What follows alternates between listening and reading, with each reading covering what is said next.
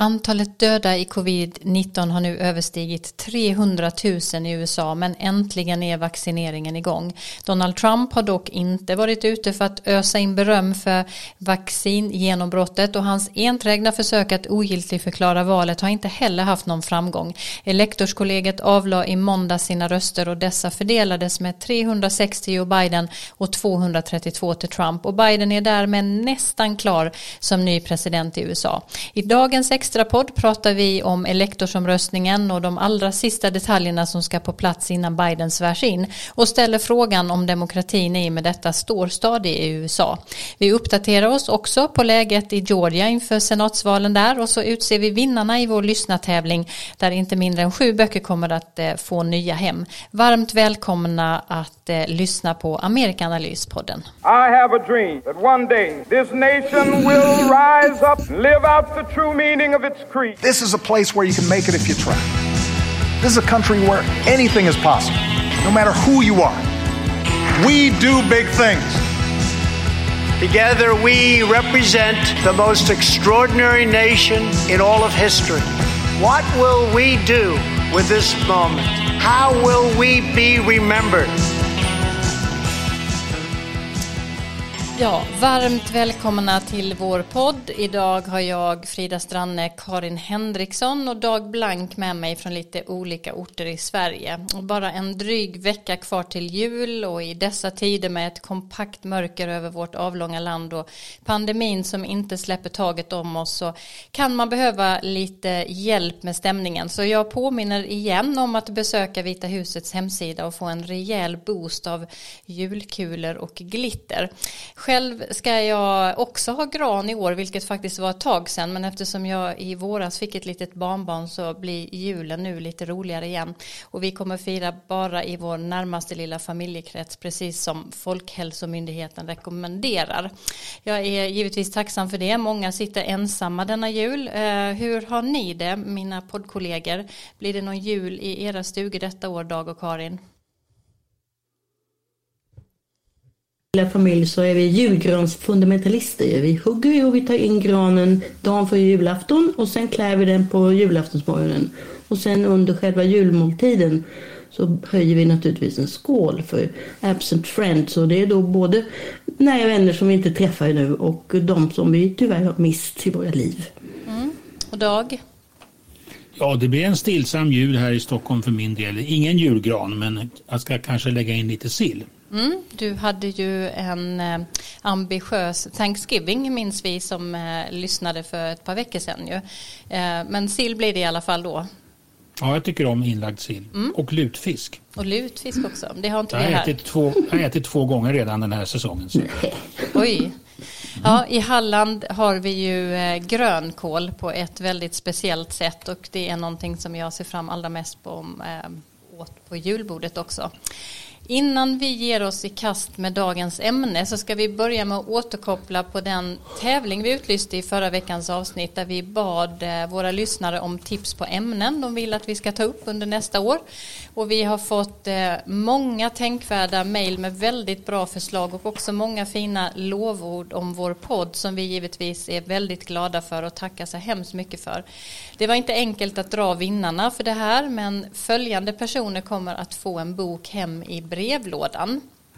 Bengt Bergman i Stockholm kommer att få Karins eh, eh bok Bevingade ord från USA, 200 citat och talesätt.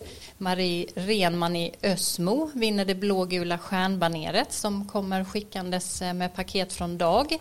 Elin Värmsjö från Borgvik vinner min och Sanna eh, Björlings bok Supermakten vad varje svensk bör veta om USA. Och Johan Sandell i Strängnäs vinner Eriks bok med lögnen som vapen. Sen har vi också eh, fått en eh, bok av Anders Foselius som vi låter skickas till Eva Olsson i Malmö. Den boken heter 50 delstater och 10 blånaglar och är en, en maratonresa genom Amerika. Och att Eva får den är för att hon har drömt om och hade nog tänkt, eh, tror jag, att resa Route 66 med sin väninna och det blev inte i coronatider. Anders bok är en bildlig och informativ resa runt alla USAs 50 delstater. Sen fick vi så många mejl och så många väldigt ambitiösa förslag på ämnen och teman och specialintresserade så vi faktiskt också bestämde oss för att dela ut två specialpris. Och det ena går till Agnes eh, Liminga i Uppsala för ett litet, eh, för ett litet specialpris då för Karin hittade ett ex av sin bok om den amerikanska vänstern hemma i bokhyllan och Agnes var intresserad eller är intresserad av både höger och vänsterpopulistiska rörelser. Så den kommer i lådan till dig. Och Mikael Karlsson i Örebro får ett litet specialpris eh, som han önskade, nämligen Den sårbara supermakten av Erik Åsad som han hittade ett pocket X av hemma i sin låda och då kommer den till dig eftersom du hade en eh, önskan om det. Ja, eh, jag vet inte om vi ska säga någonting kort bara om alla intressanta och roliga förslag på ämnen som vi har fått in. Vi har givetvis inte hunnit gå igenom allt detta och det fanns mycket där. Jag vet inte om ni har eh, hunnit igenom dem, eh, Dag och Karin. Jag fastnade lite för eh, önskan om att prata om migrationsströmmar genom tiderna och folkförflyttningar inom USA. Eh, också medborgarrättsrörelsen över tid och situationen för native americans eh, som någon ville höra om och skolpolitiken och utbildningssystemet det har vi faktiskt inte pratat om i podden här men det är ju eh, både ett intressant och viktigt ämne. Eh, var det någonting eh, som ni fastnade för när ni har ögnat igenom det, Karin? Ja, eh, ett par av lyssnarna och då ingen nämnd och ingen glömd eh, efterlyser en diskussion om delstaterna kontra federala makten. Och det är ju jätteintressant nu med tanke på polariseringen och allt mörkblåare och mörkrödare delstater. Och det kan bli slitningar mellan dem och alltså mellan de republikanska guvernörerna och Joe Bidens regering. Så det finns det stor anledning, eller anledning att tala om senare. Mm. Det var mycket önskemål har jag sett i våra olika mejl faktiskt om just historiska jämförelser och det är ju din specialitet Dag så du kommer få göra under vintern och våren tror jag. Ja, så bra. Mm. Eh, ja, men eh, vi ska göra vad vi kan för att tillmötesgå så många ämnen som möjligt framåt. Men nu går vi över till dagens första ämne.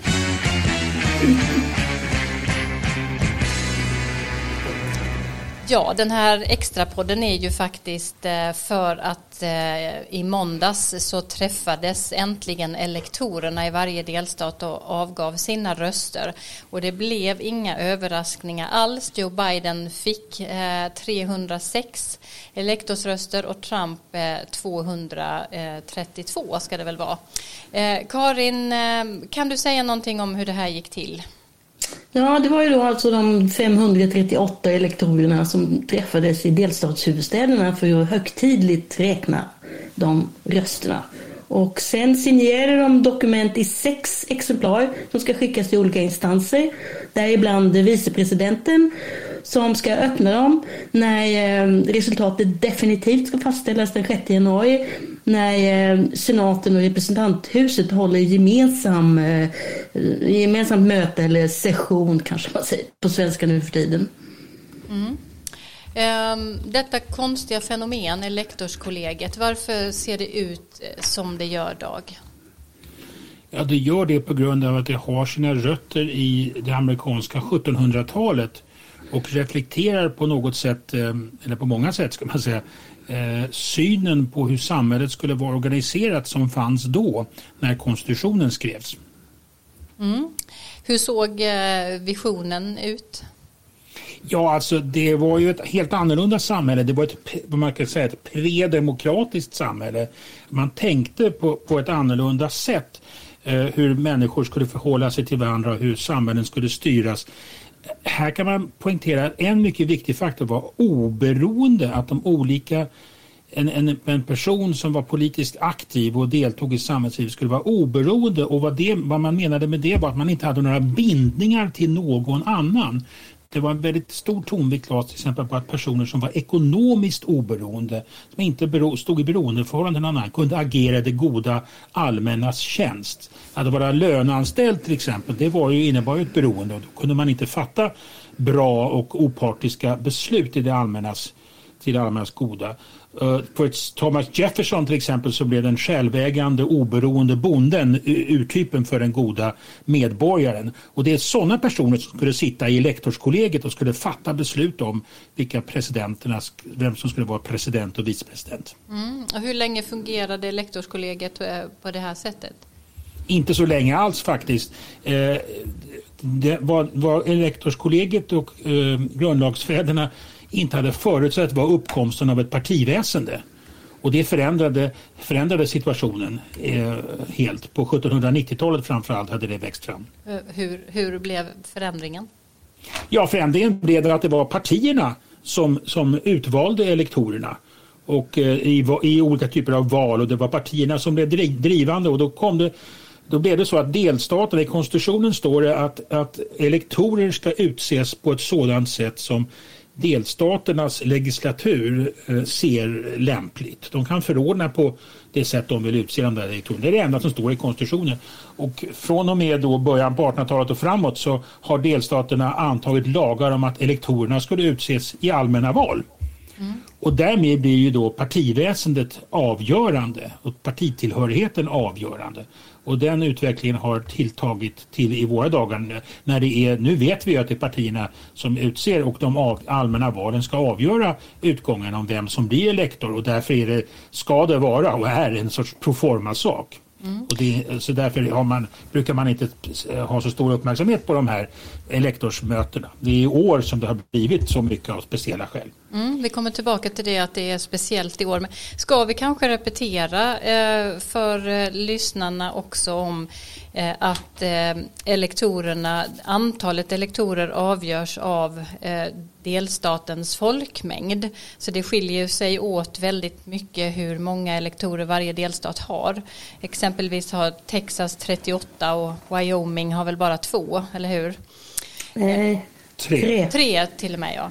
Eh, och det här eh, är ju som sagt baserat på folkmängd eh, och det varierar och räknas om men det är ju eh, så att i de allra flesta delstater, det finns ju undantag, så är ju den kandidat som vinner i den delstaten får alla elektorer.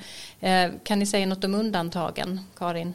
Ja, alltså det där som, som, alltså, grunden är ju att alla delstater har minst tre elektorer, alltså motsvarande en representant i representanthuset och två senatorer plus eh, samma antal för District of Columbia, det vill säga Washington. Och eh, det går lite olika till i de olika delstaterna men eh, i några så måste elektorerna skriftligen förbinda sig att de kommer att följa valresultatet. Sen finns det då på en del ställen möjligheter för enskilda elektorer att bli så kallade trolösa elektorer och alltså inte eh, följa valresultatet. Men den här gången var det ingen som gjorde det och det var kanske förvånande för Donald Trump. Han hade nog hoppats på att det skulle vara en hel det skulle vara strömhopp från den här idén att eh, att man röstade som eh, folket gjorde så att säga. Jag kan bara lite, göra en liten utvikning. Jag hamnade bredvid en elektor en gång på en middag och han var demokrat, han hade en bakgrund i fackföreningsrörelsen och berättade då att det var väldigt högtidligt att, att vara med om de här historiska mötena då endast var fjärde år. Och eh, kan nämna också kanske att det här mötet, den här middagen inträffade på en eh, så, här, så kallad fundraising för eh, socialistledaren Eugene Debs eh, bostad. Man, det, den är ett museum, de behöver pengar och jag skulle säga där då att ingen av dem som var med på middagen och lyssnade på gamla arbetarsånger skulle hålla med om att Joe Biden eller någon demokrat idag är socialist. Så det var en liten utvikning.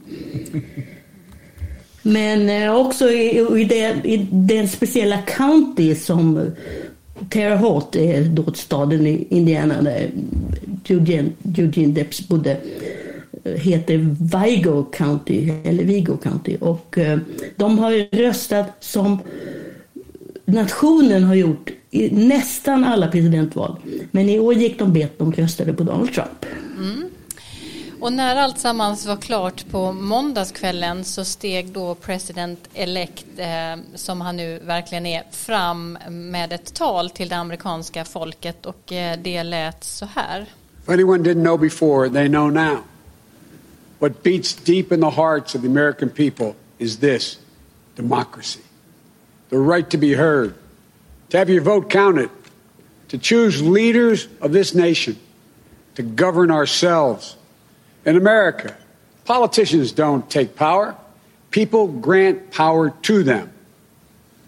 The flame of democracy was lit in this nation a long time ago. And we now know nothing, not even a pandemic or an abuse of power, can extinguish that flame. And as the people kept it aflame, so too did courageous state and local officials and election workers. American democracy works because America makes it work at a local level. Ja, eh, vi ska prata lite vidare sen om just det här med eh, vad Biden sa om demokratins kraft i USA. Men vad var mer huvudbudskapet här, Karin? Ja, som du säger så var det ju då i första hand en hyllning av den amerikanska demokratin. Men det var också en, en genomgång av Donald Trumps vägran att erkänna valresultatet i mycket allvarliga ordalag. Biden drog upp allt som har hänt sedan valet och han underströk att hela 80 federala domare plus Högsta domstolen två gånger har ratat Trump-kampanjens stämningsansökningar. Så att han, han sa att nu är det dags att eh, gå vidare. Demokratin har segrat. Vi måste vända blad. Vi måste ja, kavla upp ärmarna här nu och lösa landets problem. Mm. Så eh, det här dramat har pågått sedan eh, valdagen den 3 november eller ännu längre om man väger in Trumps attacker ju på valsystemet som faktiskt har pågått under hela året. Är det över nu Karin? Nej, det är ju över så tillvida att elektorskollegiet har sagt sitt och att Trump eh, uttömt alla juridiska vägar. Men han ger ju inte upp. Han tweetar och retweetar påståenden om valmaskiner och att han vann valet och eh, nu också gör han det gamla knepet att använda tredje person. Han, det är han själv som säger att Trumps anhängare är ursinniga på senatsledaren Mitch McConnell för att han till sist gratulerade Joe Biden. Och nämnas kan också att hela 26 nyinvalda republikanska kongressledamöter har skickat brev till eh, talmannen Nancy Pelosi med krav på utredning av valsystemet. Det kan man ju säga är rätt självsäkert för de har ju inte ens tillträtt ännu. Och eh, den 6 januari, det är ett datum som vi har nämnt och som kommer att nämnas i nyhetsrapporteringen ända fram till den dagen. Då skulle det i princip vara möjligt för kongressen att ingripa om en ledamot i representanthuset och en senator lägger fram en skriftlig begäran om detta. Och det finns en republikan som faktiskt gör det. Han heter, som, för, som försöker åstadkomma det. Han heter Mo Brooks. Han kommer från Alabama. Och han upprepar de här gamla Trumpska påståendena om att det gick väldigt illa till i fem i fem eh, nyckelstater. Men det är ingen senator som har anslutit sig och det ser väl inte ut som om någon kommer göra det heller. Och dessutom så kommer då alla ögon att riktas mot Mike Pence, alltså vicepresidenten.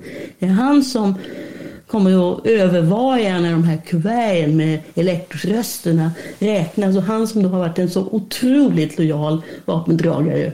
Han har inte sett med minsta minspel eller minsta vink om vad han egentligen tycker innerst inne. Nu blir det alltså han som då officiellt ska sitta och övervara den officiella för, liksom förklaringen eller deklarationen av att han och Donald Trump förlorade. Uh. Men eh, det, det, var ändå hög tid. Mitch McConnell gick ut och eh, gratulerade Biden i, för någon dag efter här, eller hur? Ja, precis. Och det var verkligen på tiden. Och Mm, nu är ju också då fokus på Mitch McConnell. Han, det sägs att han i samtal då med partivännerna har varnat för att eh, gå vidare nu. Alltså det, till och med han inser att det är nog dags att, och sätta P för de här försöken. Det kan skada partiet och han är alltid väldigt angelägen om partiets bästa. Mm. Det finns alltså ytterligare ett par spännande datum i närtid att eh, hålla ögonen på.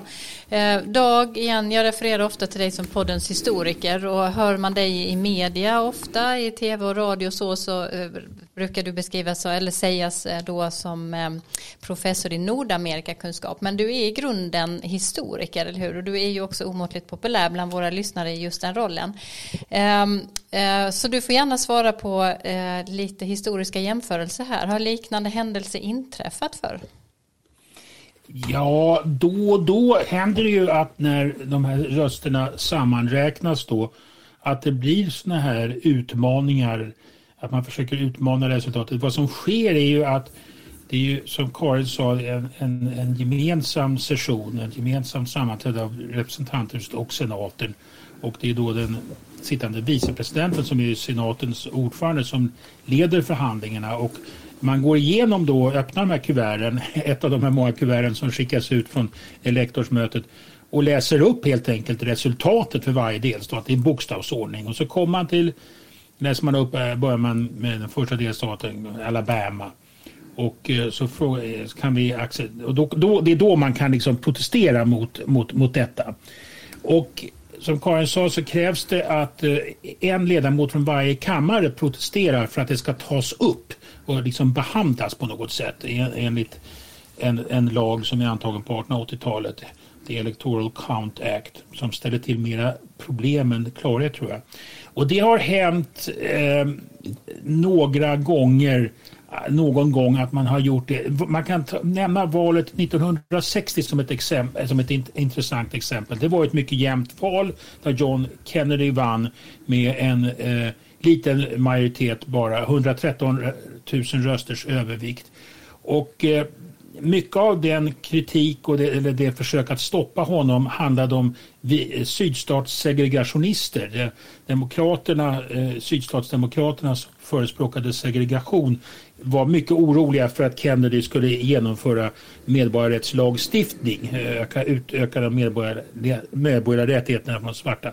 Och då hade man en plan där man skulle försöka se till, ifrågasätta utgången framförallt i två delstater i Texas och Illinois att man skulle försöka ifrågasätta det och en, en sorts kupp skulle genomföras eh, var enligt planen att man skulle rösta på en annan kandidat istället. På, på, Harry Byrd från Virginia skulle man istället locka över elektorerna, både demokratiska och republikanska elektorer.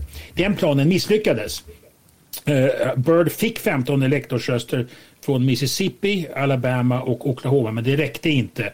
Och eh, eh, Kennedy vann då väldigt tydligt med 303-219 av elektorsrösterna över Nixon. Så att den där planen att man skulle liksom locka elektorerna att bli såna här faithless electors och, och, och lämna, den, den misslyckades. Vi har också 2005 efter valet eh, 2004 då där George W Bush omvaldes som ju också var ett ganska jämnt val. Eh, och det då var, rörde frågan Ohio och, den eviga frågan om voter suppression, att man försöker att förhindra folk att, att rösta. Och eh, i Ohio vann Bush med 118 000 röster.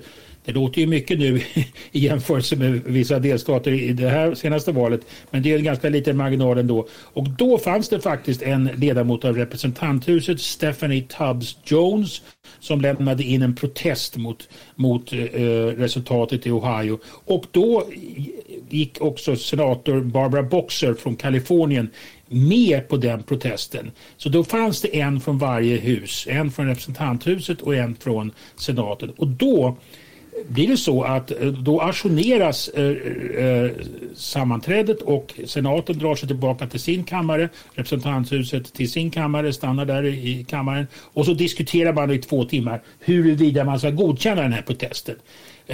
Det blev ingen godkännande. 74-1 i senaten och 267-31 i representanthuset för att acceptera Ohios röster. Och det visste man också att det skulle ske. Det var inte något egentligt försök att förhindra Bushs val men det här var ett sätt, sa Jones och Boxer att fokusera på de problem som hade uppstått i Ohio. Så det händer ibland, men det är mycket ovanligt och det har aldrig hänt att representanthuset eller senaten på det här sättet har eh, stoppat eh, elektorsrösterna. Utan det är, men det finns en diskussion om det då och då. Mm. Om det är lyssnare som tycker att det här eh, låter krångligt och så är det ju verkligen krångligt också. Det är svårt att, att följa med i allt, inte eh, absolut. Och det var ju faktiskt meningen också när man konstruerade systemet, alltså hela det amerikanska politiska systemet, att det skulle vara krångligt på olika sätt och att olika maktdelar eller grenar i systemet skulle balansera varandra och också se till så att ingen tog för mycket makt över någon annan. Men det är verkligen... Frida, Frida ja, kan, jag, kan ja. jag säga en sak till? Jo, alltså det är många som frågar, men det där elektorskollegiet, det borde väl avskaffas? Och eh, bara nämna kort, för vi har ju tagit upp det i podden förut, men, eh, men det finns en diskussion om detta om förändringar av systemet och ett par delstater har infört någon slags hybridvariant. Men eh, på det hela taget så lär det inte ske. Men eh, det finns också många som faktiskt försvarar det här systemet och inte bara republikaner som gynnas just nu. Utan man menar att det hör till det amerikanska systemet och det är då ett sätt att balansera intressen med landsbygden och storstäderna. Mm. Och, eh, de... man, kan ju, man, om jag kan lägga till också, den kritik som oftast riktas, som du sa Karin, oftast riktas mot systemet är ju att det kan leda till att eh, som i förra valet att, och flera gånger tidigare också att den som får flest röster i hela landet ändå inte vinner. Ja, det är ju det som visst, är egentligen som, som, som har sin grund i då att det är det här eh, att man får alla rösterna så att säga. Va? Det här eh, majoritetssystemet. Och det som påminner om det brittiska systemet va? med de brittiska valkretsarna där, där, det blir, där inte proportionaliteten slår igenom. Va? Och det är det som vi tror jag som är väldigt annorlunda mot det svenska systemet. Där har vi en extrem proportionalitet. Men så är det ja. inte, precis som Karin säger. Och det var den stora kompromissen för att balansera inte minst de små delstaterna mot de stora delstaterna. Mm, och det är en väldigt viktig aspekt faktiskt att USA är 50 delstater med väldigt olika intresse, olika demografi, olika ekonomi faktiskt och att det här har varit eh, också viktigt att eh, man inte ska kunna bli överkörd av folkrika delstater, de mindre delstaterna och så vidare. Så att det, det finns ju eh, argument eh, både för och emot eh, på olika sätt. Jag tänkte bara på det du sa Dag Eh, vi har aldrig sett detta som eh, Donald Trump nu har gjort och sättet på vilket han har agerat sen, sen valdagen. Vill du säga någonting mer om det? Det är mycket ovanligt, exceptionellt kan man säga. Den här, det har vi talat om flera gånger, den här oviljan att acceptera utgången av valet. Mm. Vi minns ju Hillary Clinton nästan chockad. Eh, hon väntade ju en dag och tog nästa dag, trädde hon fram nästa morgon i valet 2016 och erkände sig besegrad och sa att nu går vi vidare och eh, nu har Trump är vår nästa president. Samma sak i valet 2000 i Florida där det var så jämnt där, där man tog tillbaka sina gratulationer och så. Men när, när det till slut blev klart i december när Högsta domstolens utslag hade kommit så gick ju Al Gore ut och på ett mycket elegant och mycket eh, grasfullt sätt så att säga. Så att nu eh, är saken klar och nu har makten gått över till Trump. Och hela den här uppfattningen om att det ska finnas en eh, fredligt maktöverlämnande, att man ska acceptera utgången av valet. Det är ju eh, det, det, exceptionella i det här fallet, alltså att, man inte vill, att inte Trump gör det. Jag minns när jag studerade i USA för många år sedan så fick vi lära oss att valet 1800, när man första gången bytte parti, när Jefferson vann eh, Eh, då, eh, federalisterna.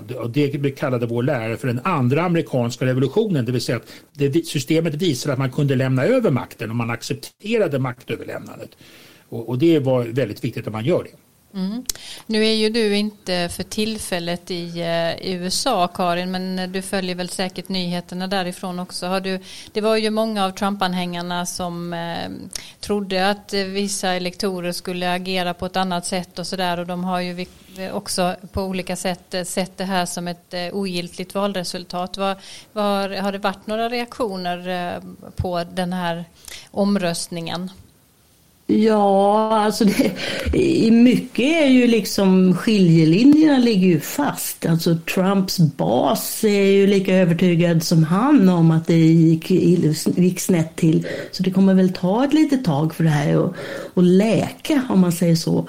Och eh, som Dag var inne på med Al Gore, han befann ju sig i samma sits bokstavligen samma stol som Mike Pence det var han som, som övervakade räkningen av rösterna den gången. Som innebar att han definitivt förlorade. Så det är tufft att vara amerikansk politiker ibland tror jag.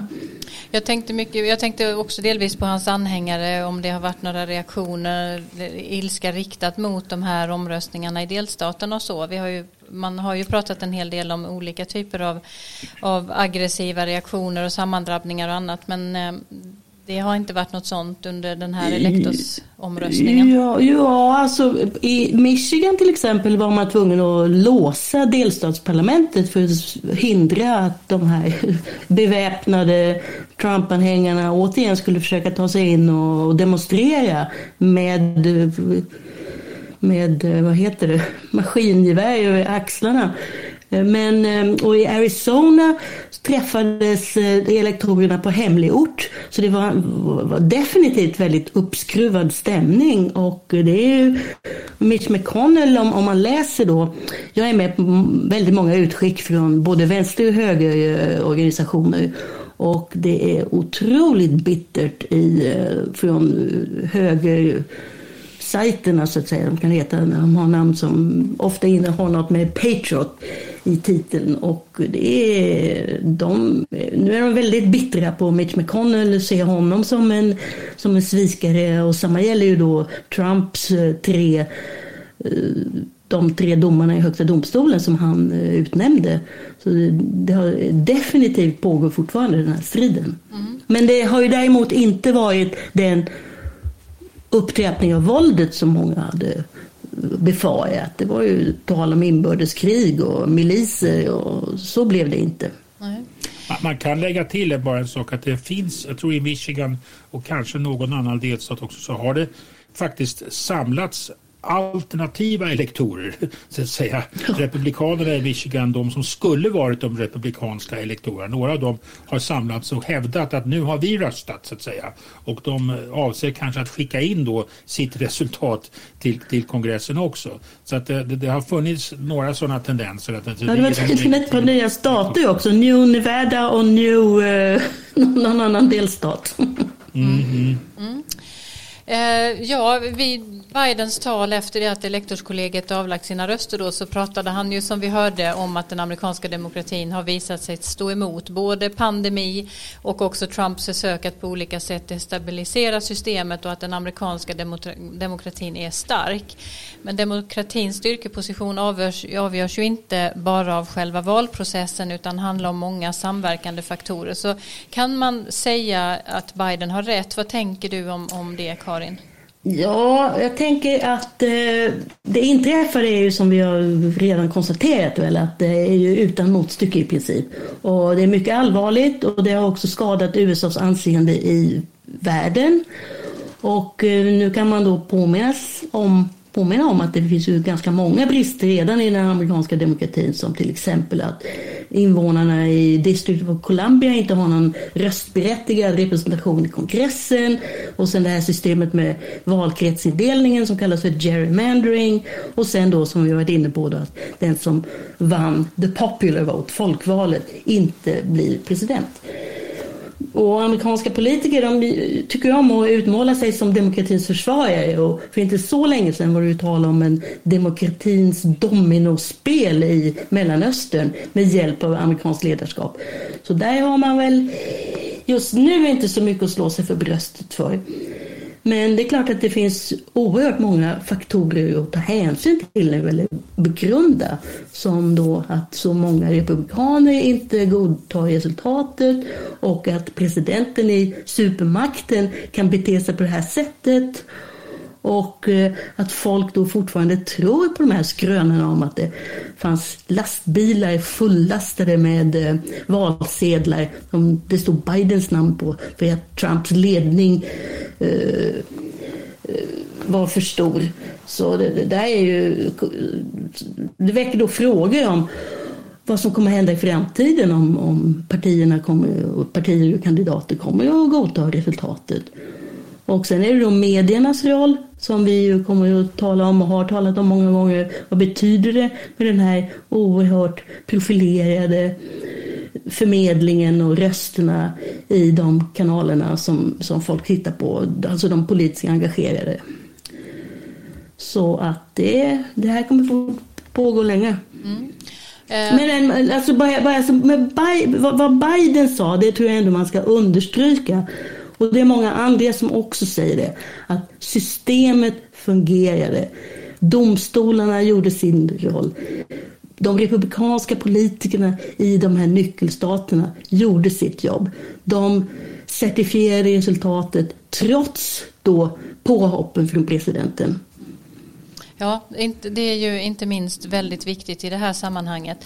Eh, ett av, de av problemen också som du också nämnde Karin är ju annars just det här trovärdigheten för USA och att inte bara just Trumps agerande utan kanske framförallt också de här olika svagheterna som du räknade upp här som ju är många och, och ytterst problematiska eh, kring till exempel vallagar som hindrar människor från att rösta och, och gerrymandering-systemet och så som ju har fått upp ögonen eh, på många håll också bland USAs allierade kanske och som eh, minskar kraften i internationella sammanhang om, om man inte jobbar aktivt med detta. Läser man vad Biden vill göra nu så lägger han också ganska mycket krut på att beskriva ambitionen att stärka både demokratin i USA men också eh, den ekonomiska jämlikheten och annat och eh, se över systemen på olika sätt och också försöka ta initiativ till eh, ett, en global summit för demokratiarbete globalt och det är klart att eh,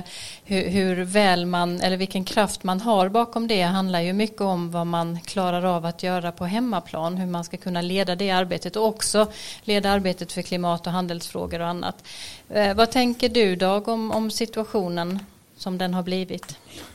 Ja, jag håller med mycket av vad Karin har sagt. Jag tycker att det är ju intressant just, jag, jag, jag, kanske vi talade om det förra gången, jag vet inte, men jag såg eh, en, eh, direktsändning på tv från Michigan när The State Board of Canvassers godkände certifierade resultatet i Michigan.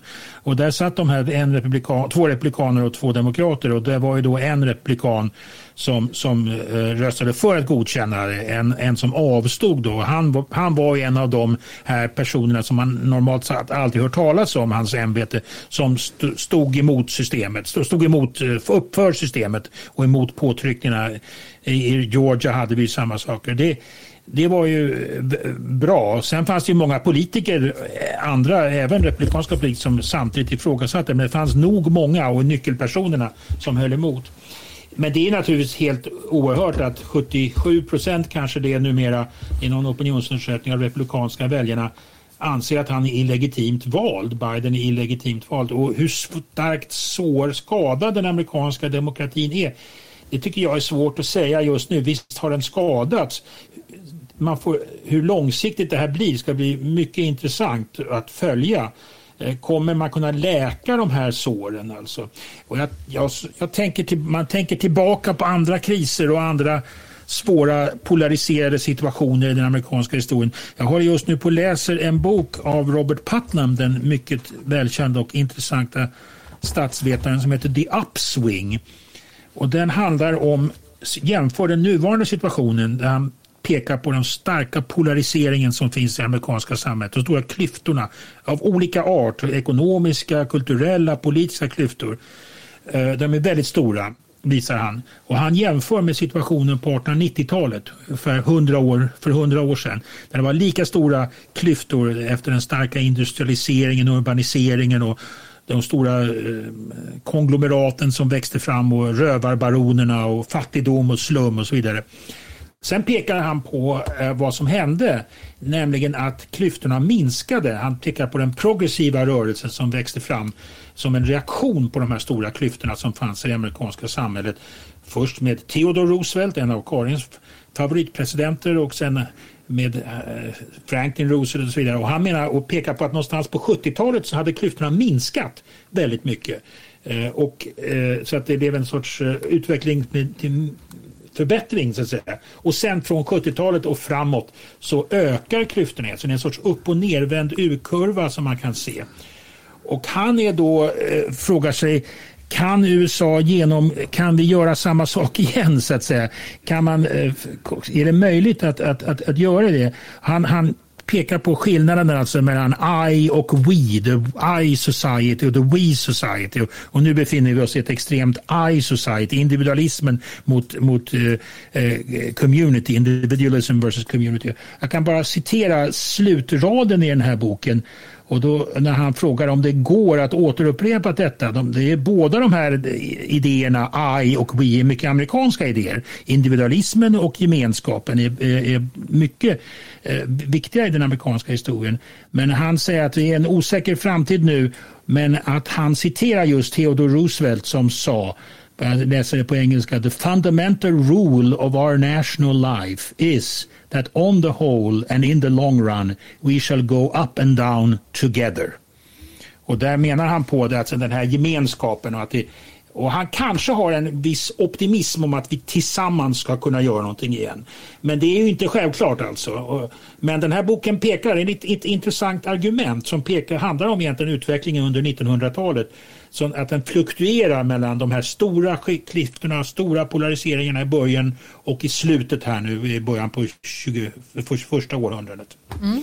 Det är intressant du tar upp. Jag eh, är osäker på om Biden har läst just den här boken av eh, Putnam. Men det som jag refererade till innan eh, som han själv har skrivit om sina prioriteringar och ambitioner nu, kanske framförallt när han blickar utåt mot världen, men också knutit ihop det med att man, han måste ta, eller man måste ta krafttag mot såväl klyftorna som då det som de krafter som underminerar demokratin. Det skrev han en artikel om i Foreign Affairs i mars-april i år. Och den kan jag rekommendera och där kan man nästan i alla fall tro att han har tagit intryck av det du precis sa, eh, Dag. Eh, men eh, när vi har bollat detta innan så har du sagt någonting om sektorisering, Karin. Kan du eh, utveckla det?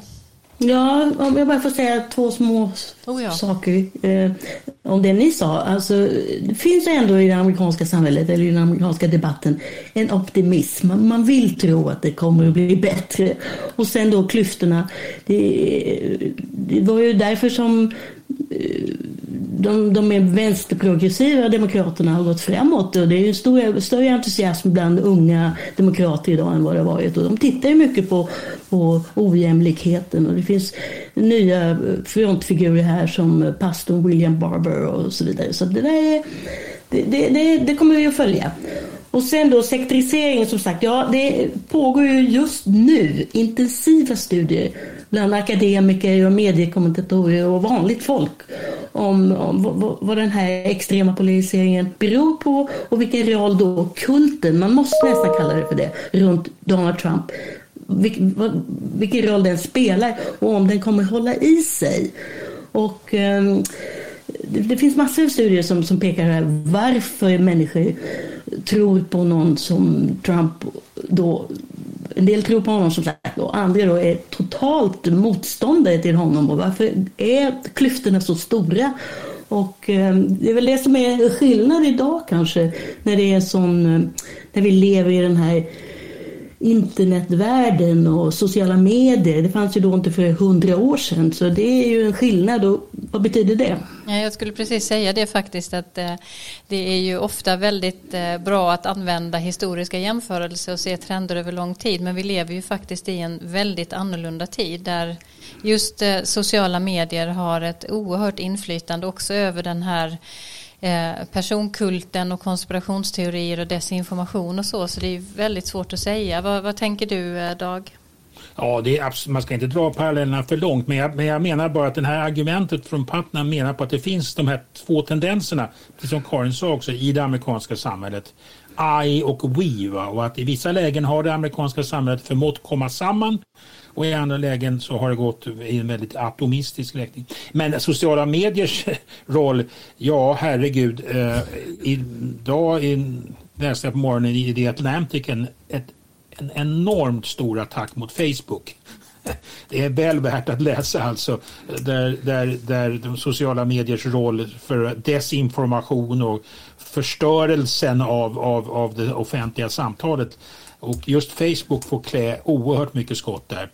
Som en icke Facebook-användare så kanske man känner sig glad att man inte är indragen allt för mycket i det. Men det, det, kan man väl, den är väl, väl värd att läsa och, och och, och, precis understryker precis vad ni säger. Mm. När jag, min kommentar just om sociala medier och spridandet av desinformation och konspirationer var, var kanske framförallt riktat just mot hur, hur väl Trump kommer att, eller vilken roll Trump kommer att kunna spela och kanske framförallt trumpismen och det som har skapats runt honom med anti-etablissemang, hatet mot mm. etablissemanget och så vidare.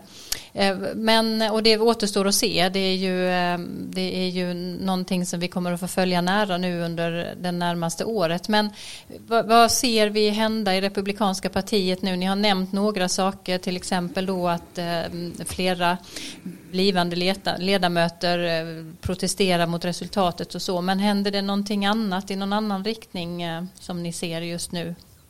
Ja, man får väl tänka sig i alla fall att det kommer bli en, ett sökande efter en ny frontfigur. Jag menar, Trump, för, för mig i alla fall, är han ju nu en, en loser. Och det är svårt i det amerikanska samhället att komma tillbaka när man har förlorat. Det är också en sanning, tycker jag i alla fall, om det amerikanska samhället. Och då kan man undra, sig, undra vilken, vilken person, vilka personer skulle det här vara då? Och en tidigare presidentkandidat som faktiskt, såg jag just, fick en större andel av rösterna totalt sett än Donald Trump fick, både den här gången och förra gången, nämligen Mitt Romney. Han har ju klivit fram mer och mer syn och blivit mer och mer synlig. Det är en fråga. Finns det en möjlighet för de här så kallade mittenrepublikanerna att ta ett grepp om partiet? Och det kommer man väl kanske att se nu då när eh, kongressen ska samlas på riktigt och det blir allvar igen och man måste då samarbeta med Joe Biden och eh, om då fler och fler av de här väldiga Trump-anhängarna kommer att på något sätt avlägsna sig från Donald Trump. Mm. Men, om jag säger bara att trumpismen kommer väl i någon bemärkelse att fortsätta att existera. Eh, tror jag. Men, men det, det riktigt intressanta ska bli att se hur, hur knuten den är till personen. Va? Vad händer när personen Donald Trump inte har den här enormt starka ställningen som han har idag när han inte längre är president. Han är en loser som Karin säger. Eh, hur mycket av det här var knutet till hans person. Det får vi se då tror jag. Mm. Ja, det återstår att se. Eh, jag är ju pessimisten i, den här, i det här gänget eh, men jag hoppas ju att eh, ni har, har rätt i det här sammanhanget att USA hämtar sig på olika sätt likt det du beskrev från tidigare historien Dag. Vi talar ju om den 6 januari, du har redan nämnt det Karin, det är då kongressen ska samlas. Det blir en väldigt spännande datum men det finns ju också ett till ödesdatum får man väl kalla det den 5 januari. Vi har redan tidigare pratat om detta, men, men lite kort bara. Eh, varför ska vi också följa vad som händer den 5 januari? Ja, kort. Det är då som det hålls två val i Georgia som kommer att avgöra majoriteten i senaten eller med andra ord bestämma vad det är för mandat som Joe Biden egentligen har. Och enligt sammanvägda mätningar så leder de eh, demokratiska kandidaterna mycket knappt just nu. Men man måste komma ihåg att sydstaterna är ju republikanska i princip. Och eh, man kan också titta på vad som hände i Alabama och South Carolina, inte minst South Carolina där Lindsey Graham höll sig kvar i eh, senaten efter en mycket hård valrörelse i höstas när han eh, utmanades av en både omtyckt, populär och skicklig demokratisk politiker. Så jag, jag slår aldrig vad om jag inte är 100% säker på något, men i det här fallet så tror jag att det är nog inte man ska nog inte tro att Demokraterna vinner de här valen och då blir det kärvt för Joe Biden. Dag, du älskar ju att gissa valresultat. Vad säger du? Inte, Nej. inte. Ja, jag, jag håller helt med Karin här. Eh, det, där, det, det, är ju ett, det är ju väldigt intressant i och med att, George, i och med att Biden gick, vann Georgia så, så, så, kan det ju finnas vissa möjligheter men, men, men Georgia är ju inte intressant om Georgia nu håller på att förändra sig. Samtidigt vet man ju att valdeltagandet är alltid lägre i sådana här eh, val, eh, icke-presidentval. Och det kommer hänga väldigt mycket på mobiliseringen och den mobiliseras ju starkt på, båda, på båda sidor. Men, men eh, det är, it's, it's a long shot som de säger i Amerika säkert att båda de demokratiska kandidaterna skulle vinna där. Ja. Röstandet har redan börjat för övrigt. Eh, och det, jag ja. såg en siffra där det stod att, eh, eller där det sa, som visade att en halv miljon har redan röstat. Och, och det ska jämföras då med fem miljoner som deltog i valet. Och en nyckelperson är ju då Stacey Abrams, demokraten, som mobiliserar så mycket hon bara kan. Så vem vet, vem vet. Mm. Spännande det också. Vi brukar avsluta eller avrunda podden med bortglömda nyheter, sånt som vi tycker har fallit lite bort i nyhetsflödet. Finns det någonting sånt att säga sedan förra veckan, Dag? Ja, jag tänkte på det när Obama tillträdde eh, presidentämbetet. Det ett av de första besluten, det första, jag tror det första beslutet han fattade var att stänga Guantánamo-basen på Kuba. Mm. Den är fortfarande öppen. Och det lyckades inte. Och eh, det, jag tycker det är en fråga vi ska se vad, vad, vad, vad, tänker Biden. Det finns ju, antalet fångar har ju reducerats men det finns ju fortfarande fångar som sitter där och det där är en fråga som ligger kvar och gnager. Mm, och den talas inte mycket om. Eh, Karin, vad har du? Nej, jag kan väl bara lägga till där då att eh, Kuba är ju en av de frågor där Biden kommer att skynda sig och, och eh, riva upp vad Donald Trump eh, har bestämt. Han förväntas ju då eh, ja, vända helt om igen och öppna mer för Kuba. Så det är, öppna mer för Kuba och det, det blir ju intressant. Annars hade jag tänkt nämna eh, vad gäller Trump och utrikespolitiken så har ju då han mer eller mindre godkänt att Marocko nu har överhöghet över Västsahara. Och det hör vi ju inte så ofta talas om heller. Men det ju, visar ju då att amerikanska presidenter har makt. Mm.